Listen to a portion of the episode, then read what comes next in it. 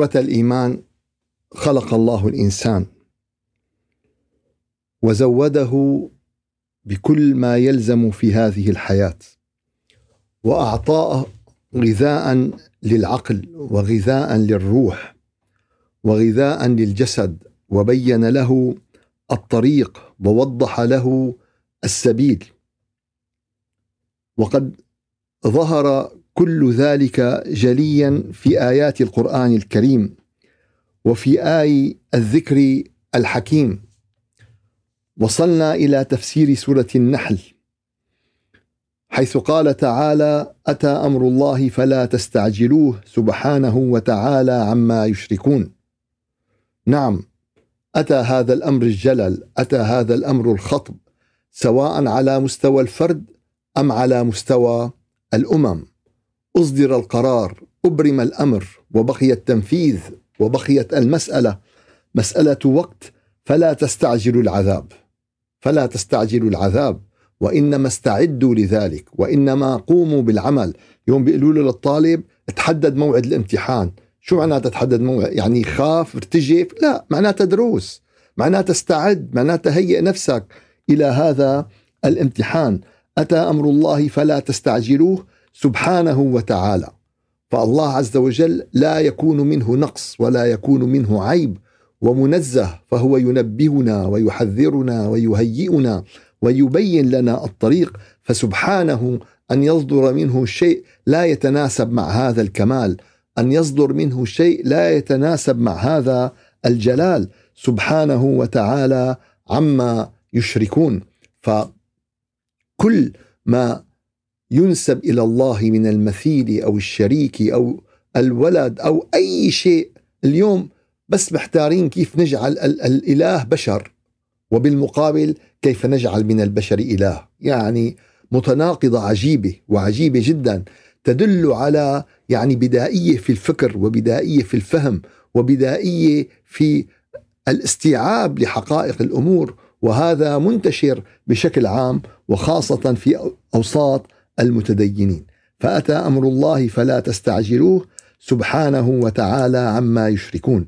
ينزل الملائكة بالروح من أمره على من يشاء من عباده أن أنذروا أنه لا إله إلا أنا فاتقون.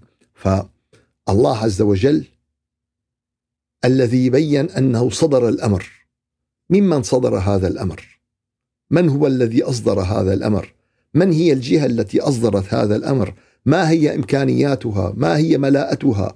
ما هي قدرتها؟ يعني اليوم الكلام مو المهم الكلام. المهم مين يصدر هذا الكلام؟ إذا قال لك واحد بكرة عطلي مين قال لك قال والله شفت ولد صغير ماشي قال بكرة عطلي. يعني هذا قد يكون عم بيمزح عم بيلعب أما بيقول لك لا والله أنا لقيت على موقع كذا آه، الحكومي إنه بكرة أصدروا إنه والله بكرة عطله لأن كذا أو كذا أو كذا. فاليوم ممن صدر هذا الأمر الجلل أول شيء الله عز وجل أعطانا هذه الحاله ثم بين لنا من الذي ينزل الملائكة. بالروح من أمره على من يشاء من عباده. فالله يصطفي من الأنبياء الله يصطفي من البشر رسلا ويصطفي من الملائكة رسلا. وهذا الاصطفاء والاشتباء مستمر إلى يوم القيامة. يعني الأنبياء والرسل كما نذكر دائما هو مقام انتهى كمقام النبوة وكمقام الرسالة. أما المهام أما الأعمال فهي مستمرة إلى يوم إلى يوم القيامة. ينزل الملائكة بالروح من أمره. فهذه الروح هي روح الوحي. هذه الروح التي بها حياة الأفراد. هذه الروح التي بها حياة النفوس. هذه الروح التي بها حياة القلوب. هذه الروح التي بها حياة القلوب والعقول والنفوس والأرواح والأفراد. فإذا حي الفرد بعقله وروحه ونفسه كانت هذه الروح حياة للأسرة وكانت هذه الروح حياة للمجتمع وكانت هذه الروح حياة للأمة. فالله عز وجل ينزل الملائكة بالروح سواء كانت هذه الروح هي روح الوحي إلى الأنبياء والرسل أم هي الروح التي تحمل النور الإلهي وتحمل العلم الإلهي وتحمل العلم اللدني فهي خير بخير بخير هي خير كلها هي هداية كلها هي نور كلها هي صلاح كلها وهذا لا يكون إلا بأمر الله عز وجل. ينزل الملائكة بالروح من أمره على من يشاء من عباده. أن أنذروا. أن إيش؟ أن أنذروا. الإنذار. طيب هن الحقيقة عندهم مهمتين. عندهم مهمة التبشير ومهمة الإنذار. ليش قدم الإنذار؟ ليش؟ قال لأن الإنذار دفع الضرر اولا. واحد تدفع عنه الضرر. واحد بتقول له أنت جايك آه، دفعة مصاري. بينما واحد تاني بتقول له انتبه راح يوقع الحيط عليك. فأول بتنبه بتنبه الأولاني أول شيء الإنذار. الإنذار لأن أصحاب يلي ما حيستمعوا لهذا الإنذار سيكون نصيب الهلاك سيكون نصيب جهنم وبئس المصير. فاولا التنبيه اولا الإنذار أن أنذروا أنه لا إله إلا أنا. أنه لا إله إلا أنا. هذه العبارة يا أحبابنا لا إله إلا الله. التوحيد رسالة الأنبياء رسالة الرسل. القاعدة التي حملها الملائكة إلى بني إلى بني الإنسان. هذا الإنذار وهذا التوجيه وهذا التنبيه. أن أنذروا اوعكن اوعكن كل شيء إلا هي. كل شيء إلا إيش؟ كل شيء إلا التوحيد. وما أرسلنا من قبلك من رسول إلا نوحي إليه أنه لا إله إلا أنا فاعبدون. ما في رسول ما في نبي ما إلا شو أوحى الله إليه أنه لا إله إلا الله لا إله إلا أنا فاعبدون. فهذه حقيقة الديانات هذه محور الديانات هذه الرحى والمركز التي تدور حولها كل الديانات. للأسف اليوم عم نختلف على أمور كثير ثانية اليوم أبناء الديانات مختلفين. أبناء الديانة الواحدة مختلفين إلى مذاهب وجماعات. أبناء الجماعة الواحدة والمذهب الواحد مختلفين. فاختلاف اختلاف اختلاف تمزيق تمزيق تمزيق. نحن اليوم كأهل الأرض بحاجة إلى أن نعود إلى حقيقة. بحاجة كل أهل الأرض أن نعود إلى حقيقة. نتلمسها بأرواحنا.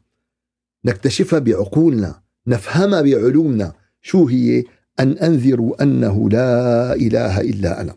لا إله إلا الله. قال إني أشهد قال إني أشهد الله.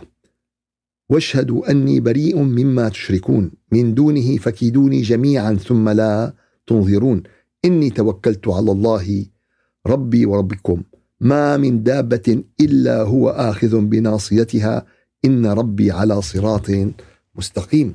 فالتوحيد يا أحبابنا التوحيد هي ملة الأنبياء هي ملة الرسل هي دعوة كل من أرسله الله عز وجل إلى بني الإنسان.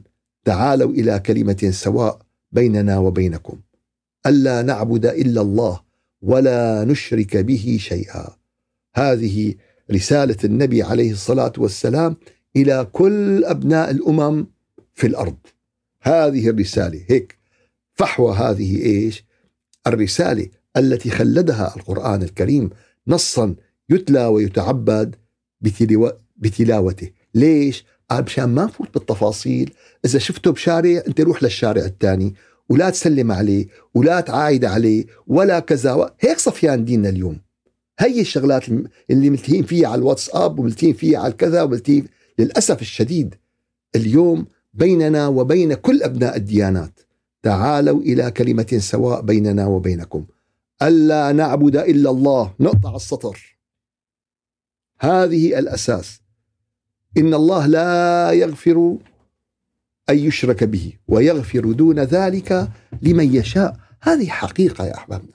هذه حقيقة في السنة وفي الكتاب وفي كل شيء. النبي عليه الصلاة والسلام حينما دعا أبو سفيان طول الليل عم بدعيه.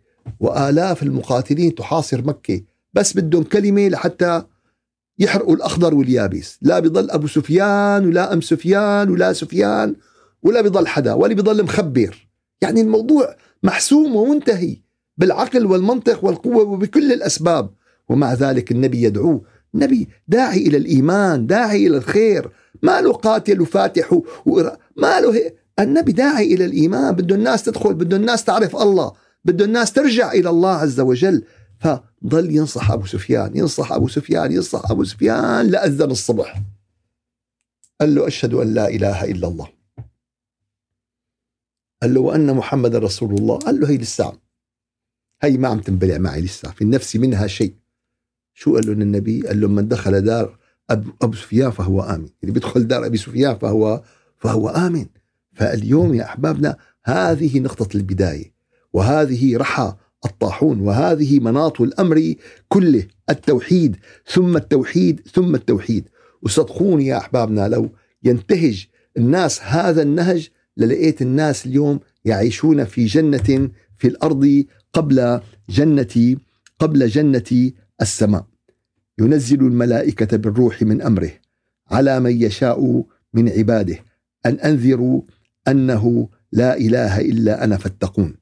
فتحدث الله عن عالم كامل عن عالم نتلمس منه هيك شذرات بسيطة هو عالم الملائكة. رغم أن ما ذكر عن الملائكة في القرآن الكريم كثير من الآيات وكثير من الوصف وكثير من المهام وكثير من اللقاءات من اللقاءات تمت بين بني الإنسان وبين الملائكة من الأنبياء ومن غير الأنبياء. فالباب مفتوح والملائكة موجودون. وإن كان من أبصرهم قليل ولكن من استشعر بهم وأحس بهم ليس بي ليس بالقليل والباب والباب مفتوح. خلق السماوات والأرض بالحق. تعالى عما يشركون. منرد نرجع. أتى أمر الله. من أصدر هذا الأمر؟ الذي أنزل الملائكة بالروح. من أصدر هذا الأمر؟ الذي خلق السماوات والأرض بالحق. فالآيات مترابطة مع بعض البعض. كل آية مع كل كل آية تعود إلى الأساس الذي انطلقت منه الآيات. فالذي أبرم هذا الأمر والذي حذر بهذا الأمر هو الذي خلق السماوات والأرض. بالحق تعالى عما يشركون. فيعني أن الله عز وجل قد خلق السماوات والأرض بحقيقة. ثابتة. بحقائق إن كان علمية وإن كانت كونية وإن كانت خلقية وإن كانت دلالية. فهذا الكون خلق لهدف.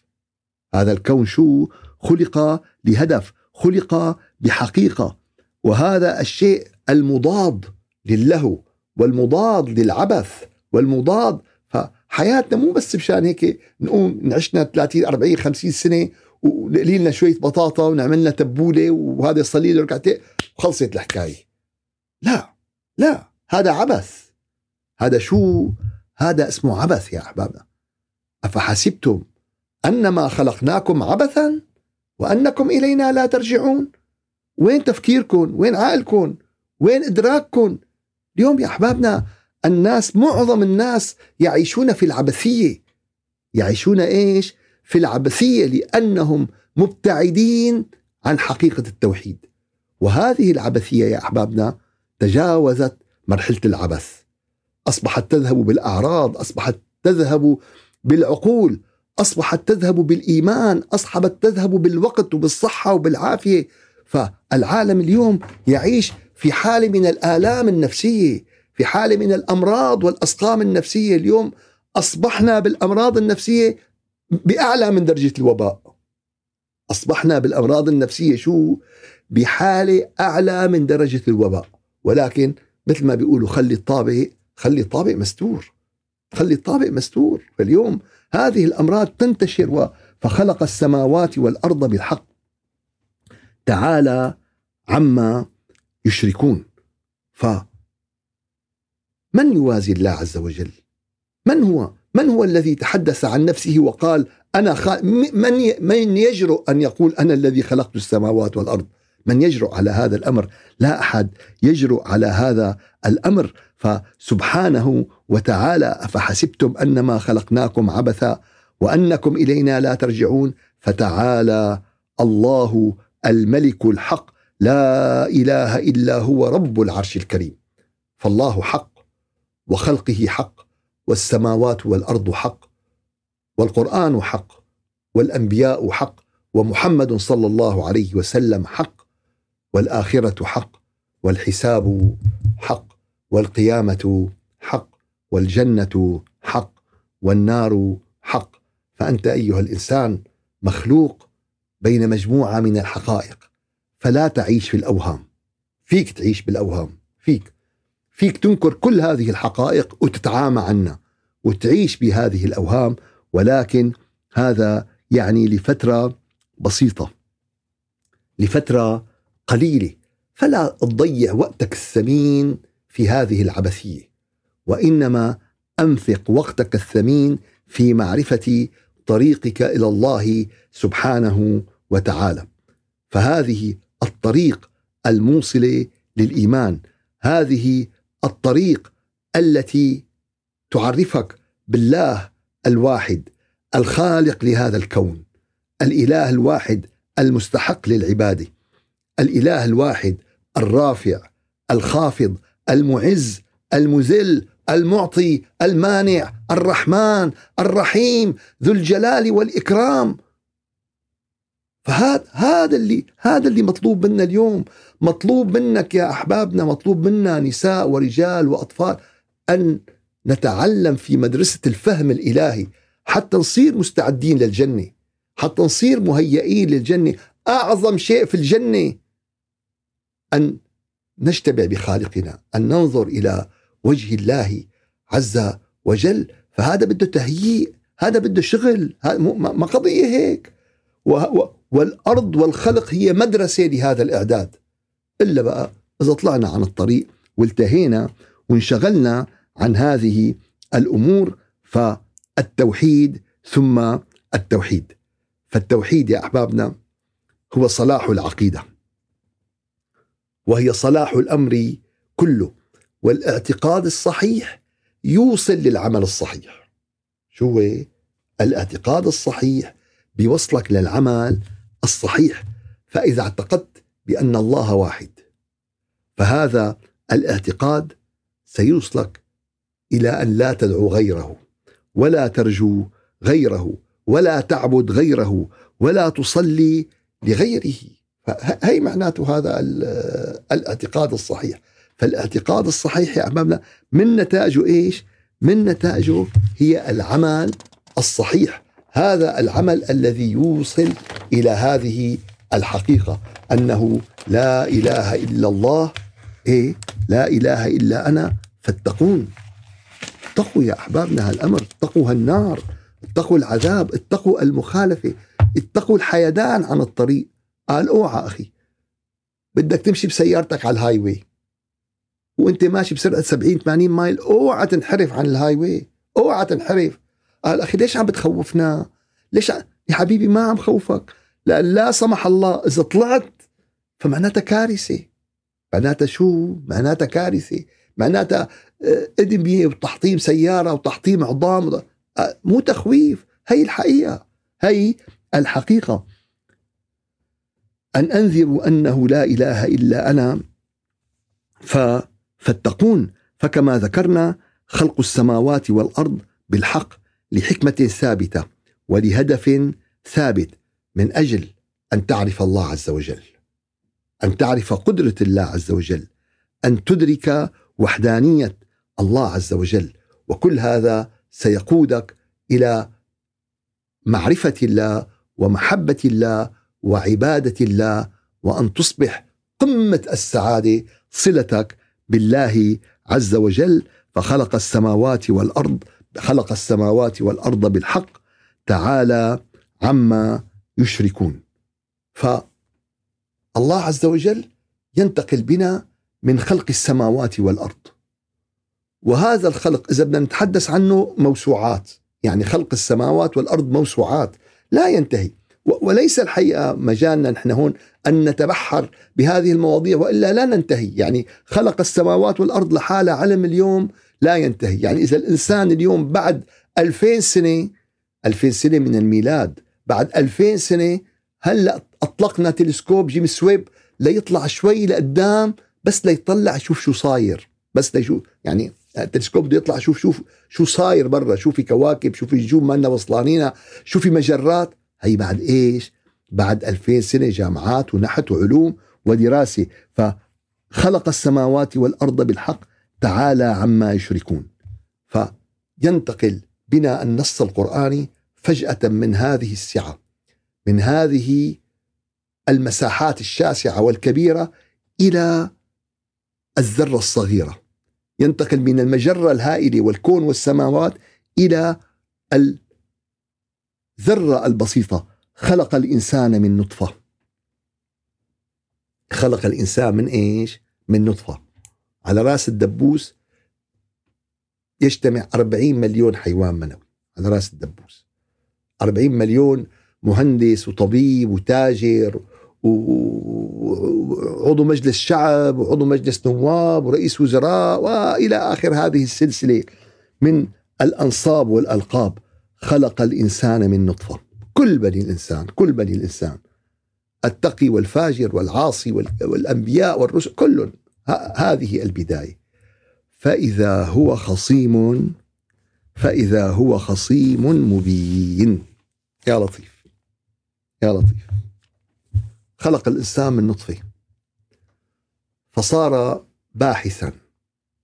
صار عالما بالاصطلاح العلمي. معه PhD معه دكتوراه صار بروفيسور أستاذ ذو كرسي. ليش؟ ليلقي المحاضرات ويثبت ويبرهن أن الله غير موجود. شو العادة؟ أن الله غير موجود. فإذا هو خصيم مبين. فإذا هو خصيم مبين. أوجدوا اليوتيوبات والواتساب والأفلام ونشروا علوم. ليش؟ ليش؟ ليبينوا أن القرآن أساطير الأولين. فإذا هو خصيم مبين مو بس خصيم مو بس خصم واضح العداوة واضح الكراهية وخلق الإنسان. شوف يا أحبابنا شوفوا هل خلقتك من ذرة؟ يعني مو بس ماله مؤمن مو بس ماله مستقيم مو بس ماله من أهل التقوى لا لا. فإذا هو خصيم مبين خلق من نطفة من ماء مهين فصار قائد عسكري. ونياشين وكذا بتلاقي هيك منفوخ مثل ديك الحبش و500 شغلة على على صدره. فهو يقتل ويبطش ويهتك. فإذا هو خصيم خصيم مبين صار فرعون. يذبح الأبناء ويستحيي النساء فإذا هو خصيم مبين خلق يعني آه، من شيء تافه من شيء حقير من شيء مستهان فيه لا لا, لا يبقى لا. قال قال فإذا هو خصيم مبين. اليوم تلاقي واحد مخرج يضل الشباب يضل البنات يغير نظام الكون يتحالف مع الشيطان. فإذا هو خصيم مبين. اليوم يا أحبابنا سلسلة خصيم مبين في كوكبنا الأرضي والله سلسلة مؤلمة. والله سلسلة مؤلمة. والله إذا أحببنا أن نضع هذه السلسلة فيها من الجحود فيها من النكران فيها من العداوة فيها من الكره فيها من عدم الوفاء فيها من شو بدي أحكي؟ يعني فيها سلسلة لا تنتهي من الصفات الذميمة. هذه الخصومة البينة لله عز وجل. فهناك قد يكون أب يضل أبنائه فهو خصيم مبين. قد تكون أم تدمر أسرتها فهي خصيبه مبينة. قد يكون تاجر قد يكون قد يكون آه إنسان طبيب عالم أحياء عوض ما يجي يخدم البشرية ويسا بيخترع فيروس. بيهلك البشرية. فإذا هو خصيم مبين. يأتي من يتلاعب بأرزاق الناس يتلاعب بالمال يتلاعب بالأسواق بخلي الغني فقير وبيخلي الفقير معدم.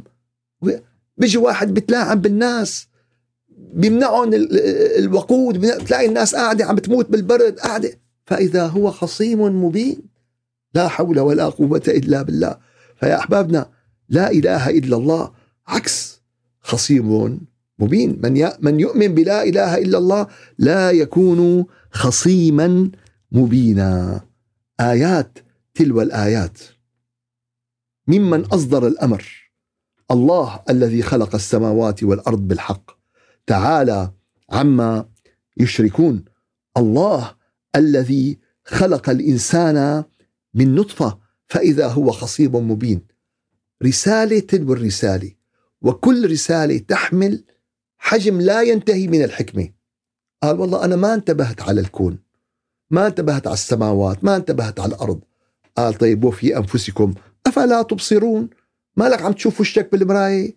مالك عم بتشوف يا خانم وشك بالمراية؟ إذا شوي هيك يعني الجمال تبعنا انهز بتلاقي الوحدة رح يصير معها باي بولار يعني حيصير معها اكتئاب ثنائي القطب. طولي بالك طولي بالك يعني اليوم. ف طيب وهذا الخالق اللي أعطانا الجمال هذا الخالق اللي أعطانا العيون الزرق والعيون الشهل والعيون الخضر والعيون العسلي وأعطانا الحواجب وأعطانا الرموش وأعطانا وأعطانا وأعطانا. قال لا استخدمت كل هذه الجمال لتكون لله شو هي؟ خصيم مبين. كان تطلع على المجلات وتفرع حالها وتفرجي جمالها للقاصي والداني وتطلع بالماء. فإذا هو خصيم مبين. وبعد ذلك مثل آخر.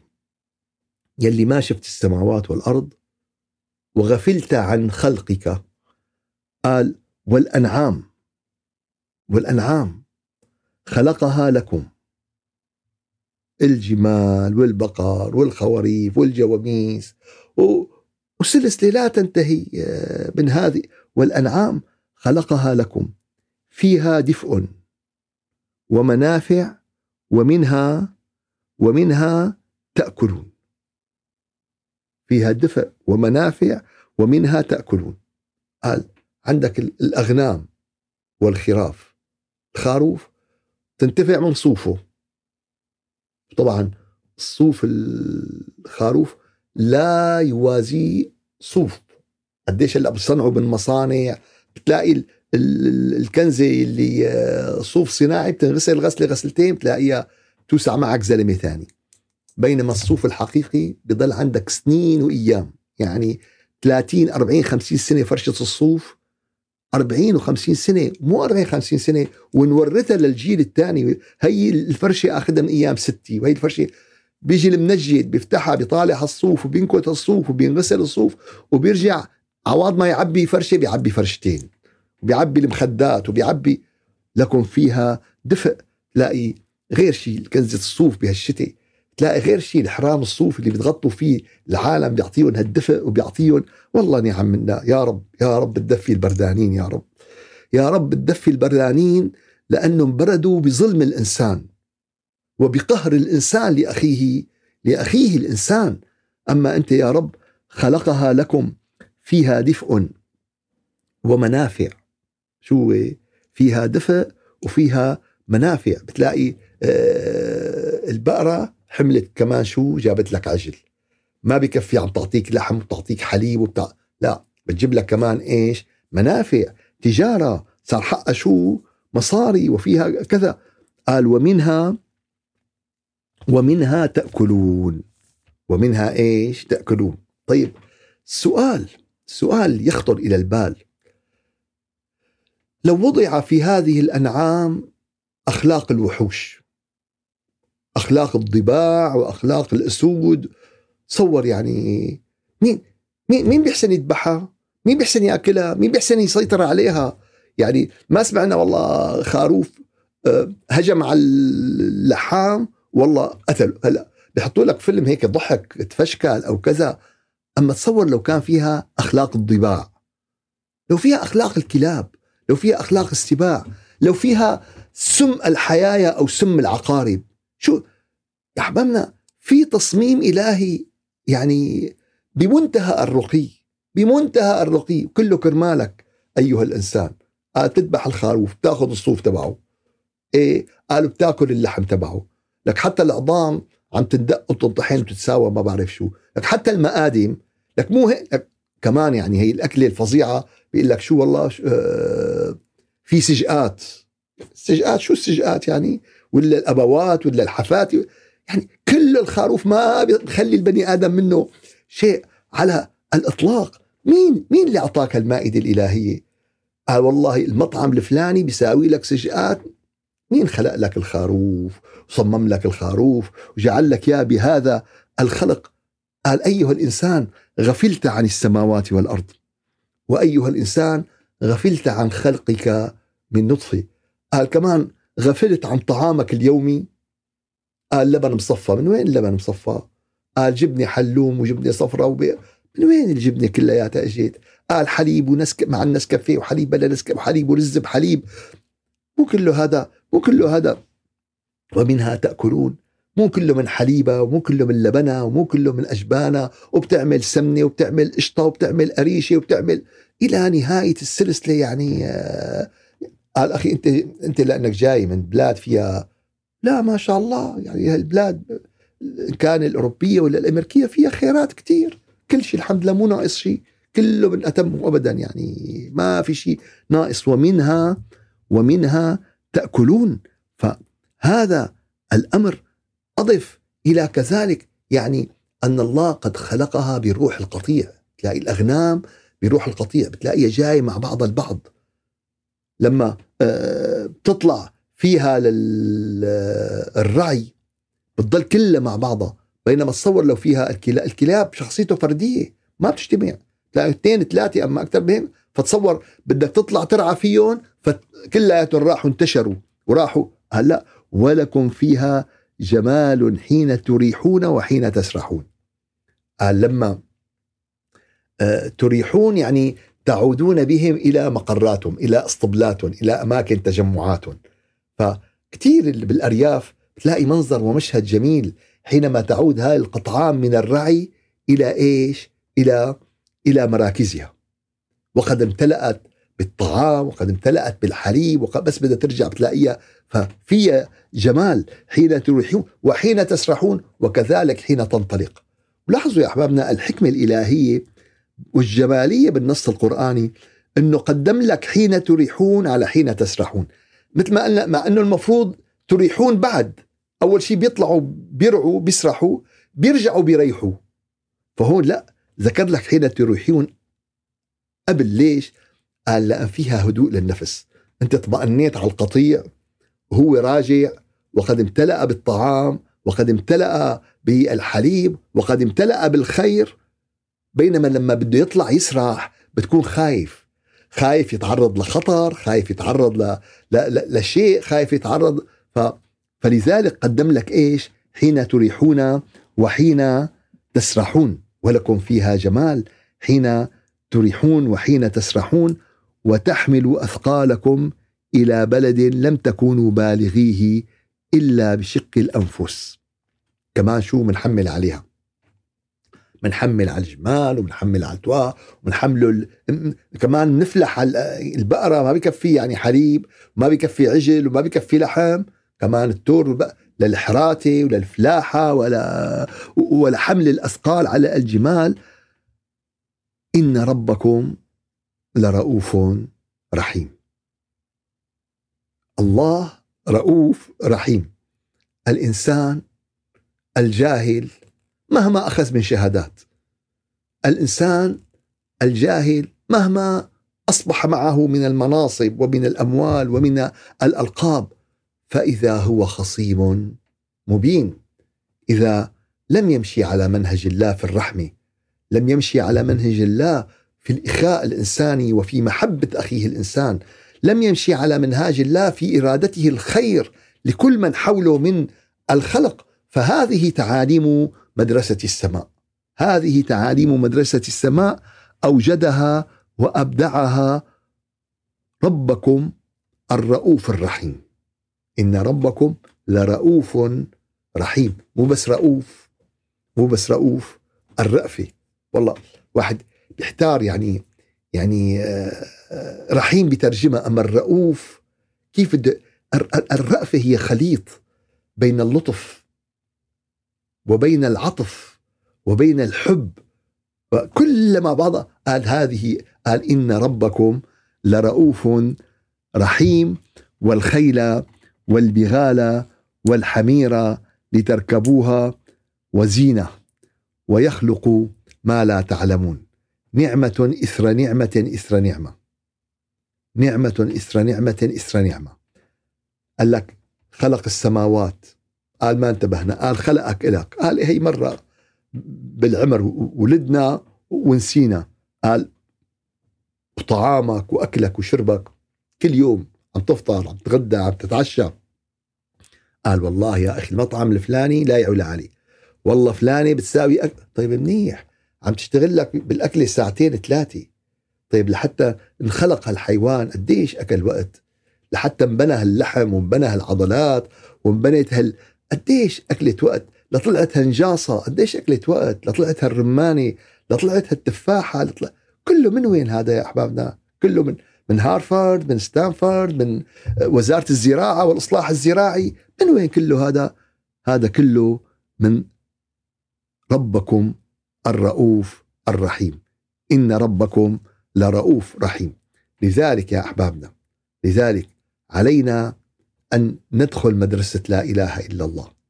هذه مدرسة علم مدرسة بحث مدرسة فهم وبعد ذلك بعد العلم والفهم والبحث هي مدرسة إيمان. وبعد ذلك هي مدرسة ذكر ومدرسة محبة ومدرسة إدراك ومدرسة شعور بتصير بتشعر أنت بلا إله إلا الله بتصير بحس بلا إله إلا الله بتصير حياتك ووجودك لا إله لا إله إلا الله. فتنتقل بعد ذلك إلى أن تصبح مدرسة يقين. فتطمئن نفسك وتخشع جوارحك وتكون حياتك هي مدرسة لتعليم الخلق هي مدرسة لبذل النور والعطاء. وتكون آخرتك يا أيتها النفس المطمئنة ارجعي إلى ربك راضية مرضية فادخلي في عبادي وادخلي جنتي فالله الذي أنزل الملائكة بالروح لتنذر الخلق كلهم أنه لا إله إلا الله هو الذي خلق السماوات والأرض هو الذي خلق الإنسان من نطفة هو الذي خلق لكم الأنعام وما فيها من دفء ومنافع وطعام وشراب وجمال وهو الذي خلق لكم الخيل والبغال والحمير لتركبوها وزينة ويخلق ما لا تعلمون. فحري بنا أن نتنبه إلى أنه أتى أمر الله. فلنرجع إلى الله توبة فلنرجع إلى الله إنابة فلنرجع إلى الله ذكر. ومحبة فلنرجع إلى الله علم وتعلم وتعليم فلنرجع إلى الله إخاء بين بني الإنسان فنتقرب إلى الله بخدمة أخينا الإنسان. نتقرب إلى الله بمحبة أخينا الإنسان ولنخرج ما استطعنا إلى ذلك من سبيل من قائمة فإذا هو خصيب مبين. إياك واياك أن تكون من أصحاب هذه القائمة ولو بجزء بسيط. ولو بعشرة بالمية ولو بخمسة بالمية. إياك. ابتعد عن قائمة خصيم مبين. سبحان ربك رب العزة عما يصفون. وسلام على المرسلين. والحمد لله رب العالمين. إلى شرف النبي وأرواح المؤمنين الفاتحة. أعوذ بالله من الشيطان الرجيم. بسم الله الرحمن الرحيم. الحمد لله رب العالمين. وأفضل الصلاة وأتم التسليم على سيدنا محمد وعلى آله وصحبه أجمعين. اللهم أعنا على دوام ذكرك وشكرك وحسن عبادتك ولا تجعلنا يا إلهنا يا مولانا من الغافلين. اللهم أرنا الحق حقا وارزقنا اتباعه وأرنا الباطل باطلا وارزقنا اجتنابه. ربنا لا تزغ قلوبنا بعد إذ هديتنا وهب لنا من لدنك رحمة إنك أنت الوهاب واجعلنا اللهم هداة مهديين غير ضالين ولا مضلين واهدنا واهد بنا إلى صراطك المستقيم. يا رب واهد خلقك أجمعين وإذا أردت بعبادك فتنة فنجنا غير مفتونين. يا رب العالمين يا رجاء السائلين اغفر لنا ولوالدينا وللمؤمنين يوم يقوم الحساب. سبحان ربك رب العزة عما يصفون وسلام على المرسلين. والحمد لله رب العالمين. إلى شرف النبي وأرواح المؤمنين. الفاتحة.